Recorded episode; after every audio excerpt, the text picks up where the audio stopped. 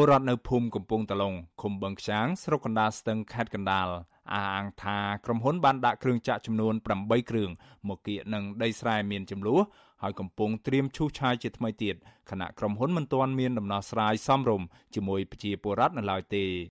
ពលរដ្ឋមានចំនួនដីធ្លីម្នាក់លោកស្រីលុញវណ្ណាប្រាប់ថាអ្នកភូមិនឹងនាំគ្នាតវ៉ាទៀតនៅក្នុងករណីក្រុមហ៊ុនឈូសឆាយដីស្រែរបស់ពួកគាត់ព្រោះដីនេះកំពុងស្ថិតនៅក្នុងភាពចម្រូងចម្រាស លោកស្រីស្នើសុំឲ្យអាជ្ញាធរខេត្តកណ្ដាលជួយអន្តរាគមន៍ទៅក្រុមហ៊ុន កុំឲ្យធ្វើសកម្មភាពឈូសឆាយដីស្រែរបស់អ្នកភូមិទាំងដែលអ្នកភូមិនៅមិនទាន់ព្រមទទួលយកសំណងនៅឡើយគាត់ធ្វើទៅលើដីខាងក្រុមហ៊ុនហ្នឹងអត់ទាន់ធ្វើលើដីប្រជាជនទេប៉ុន្តែខ្ញុំលើសូប៉ូលីសម្នាក់គាត់និយាយថាបើសិនជាពួកខ្ញុំនឹងតែបិទផ្លូវឲ្យអត់ព្រមបើកផ្លូវឲ្យគេដំណើរការអញ្ចឹងមិនយូរមិនឆាប់ទេគេនឹងដាក់កងកម្លាំង PM ប៉ូលីសអីមកទប់ស្កាត់ប្រជាជនហើយគេនឹងឲ្យក្រុមហ៊ុនធ្វើហើយអ្នកភូមិកំពុងតឡុងបាននាំគ្នាដេកយាមដីស្រែនិងបិទផ្លូវលើខ្នងប្រឡាយរយៈពេល10ថ្ងៃមកហើយដោយមិនទាន់ឃើញមានអាជ្ញាធរមូលដ្ឋានចុះទៅដោះស្រាយជូនពួកគាត់នៅឡើយទេ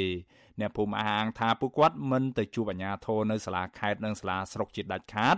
តែទាមទារឲ្យអាជ្ញាធរចុះទៅជួបអ្នកភូមិដល់ដីមានចំនួនវិញព្រោះងាយស្រួលចង្អុលបង្ហាញពីស្ថានភាពជាក់លាក់ជាង ការតវ៉ាដីយាមដីស្រែនេះកើតឡើងក្រោយពេលក្រុមហ៊ុនសាជីវកម្មវិនិយោគក្រៅប្រទេសកម្ពុជាហៅកាត់ថា OCIC របស់លោកពងខៀវសែ បានដាក់កងកម្លាំងសន្តិសុខប្រមាណ20នាក់ព្រមទាំងឡានទឹកមួយគ្រឿងគ្រឿងចាក់2គ្រឿងចុះទៅឈូសឆាយដីស្រែរបស់អ្នកភូមិកាលពីថ្ងៃទី14ខែឧសភាពលរដ្ឋចោទថាក្រុមហ៊ុនបានឈូសកំទេចស្រូវនិងស្រែហើយពេលពួកគេតវ៉ាខាងក្រុមហ៊ុន បានបើកគ្រឿងចាក់ដេញបុកអ្នកភូមិទើបធ្វើឲ្យពួកគេខឹងសម្បានិងនាំគ្នាដេញក្រុមសន្តិសុខឲ្យបើកគ្រឿងចាក់ចេញទៅវិញនិងប្តឹងសុំអន្តរាគមន៍ទៅអាជ្ញាធរស្រុក អ្នកភូមិកំពង់តឡុងក៏មានគម្រោងដាក់ញត្តិសុំអន្តរាគមន៍ទៅក្រសួងដែនដីខុទ្ទកាល័យលោកនាយរដ្ឋមន្ត្រីហ៊ុនសែននិងតំណាងរាស្ត្រនៅពេលខាងមុខនេះដែរប៉ះសិនបើគ្មានដំណោះស្រាយពីអាជ្ញាធរមូលដ្ឋាន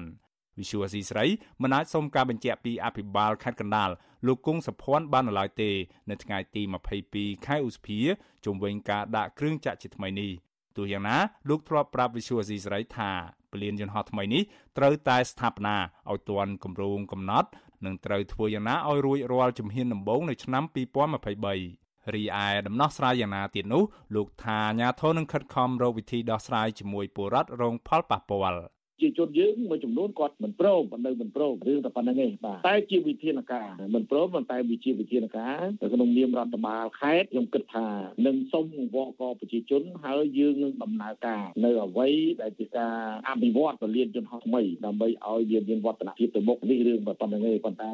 បងប្អូនប្រជាជនហាក់បីដូចជានៅមិនទាន់យល់ស្របយើងកំពុងតែវិភាគការជាមួយគាត់បន្តទៀត ចំណែកមន្ត្រីសង្គមស៊ីវិលមិនយល់ស្របទៅនឹងការអភិវឌ្ឍទាំងស្ថានភាពចម្រូងចម្រាសបែបនេះទេប្រធានផ្នែកសិទ្ធិមនុស្សនិងដីធ្លីនៃសមាគមការពារសិទ្ធិមនុស្សអាត6លោកនីសុខាចង់ឲ្យរដ្ឋាភិបាលដោះស្រាយផលប៉ះពាល់ជាមួយពលរដ្ឋឲ្យបានចប់សពគ្រប់ជាមុនសិនទើបជារឿងប្រសើរលោកនីសុខាសង្កេតឃើញថាការដាក់តម្លៃដី1ម៉ែត្រការ៉េចន្លោះពី3ទៅ8ដុល្លារហើយចាប់បង្ខំឲ្យពលរដ្ឋទទួលយកមិនមែនជាដំណោះស្រាយនោះឡើយ លោកយល់ថារដ្ឋាភិបាល គួរតែដោះស្រាយតម្លៃដីនោះនៅក្នុងតម្លៃសមរម្យណាមួយ ដែលជាតម្លៃទីផ្សារបច្ចុប្បន្នហើយគ្រប់ភាគីអាចទទួលយកបានដោយពេញចិត្ត ដោះស្រាយស្ថានភាពដីក្នុងពេលបច្ចុប្បន្នដូច្នេះយើងត្រូវតែកំណត់តម្លៃបច្ចុប្បន្នមិនមែនយកតម្លៃពីមុនមកកំណត់ទេដូច្នេះបើសិនជាយើងយកតម្លៃមកកំណត់នៅក្នុងស្ថានភាពបច្ចុប្បន្នវាអត់ស្របទៅនឹងពេលវេលាដែលយើងបានដោះស្រាយហ្នឹងពីព្រោះថាពួកគាត់យកលុយហ្នឹងទៅដើម្បីដោះស្រាយបញ្ហាទៅទិញដីធ្លីផ្សេងទៀតក៏គាត់ទិញបាន ក្រុមហ៊ុនសាជីវកម្មវិនិយោគក្រៅប្រទេសកម្ពុជា OCIC របស់អង្គការពងខៀវសែដែលមានទំនាក់ទំនងជិតស្និទ្ធជាមួយគ្រួសាររបស់លោកនាយករដ្ឋមន្ត្រីហ៊ុនសែនគឺជាអ្នកបានទទួលសិទ្ធិសាងសង់គម្រោងពលានយន្តហោះថ្មីខ្នាតអន្តរជាតិដែលអាចចុះចតយន្តហោះប្រភេទធំធំអាចឆ្លងទ្វីបបាន តាមលក្ខខណ្ឌនៃការសាងសង់គម្រោងនេះនឹងសាងសង់ឲ្យរួចរាល់នៅឆ្នាំ2023ដោយពលានយន្តហោះថ្មីនោះនឹងលាតសន្ធឹងលើផ្ទៃដីជិត3000ហិកតាគ្របដណ្ដប់លើឃុំចំនួន4នៃខេត្តកណ្ដាលនិងខេត្តតាកែវអ្នកភូមិកំពង់តឡុងក៏មិនជំទាស់ទៅនឹងការអភិវឌ្ឍនេះដែរក៏ប៉ុន្តែពួកគាត់សំណូមពរសុំឲ្យរដ្ឋាភិបាល អន្តរាគមន៍ទៅខាងភាគីក្រុមហ៊ុន ដើម្បីផ្ដល់តម្លៃដីសមរម្យដែលពួកគាត់អាចមានលទ្ធភាពរកទិញដីនៅក្បែរកន្លែងនោះ ធ្វើស្រែចម្ការចិញ្ចឹមជីវិតបានឡើងវិញខ្ញុំបាទមេរិត Visual Asia ស្រីរាយការណ៍ពីរដ្ឋធានី Washington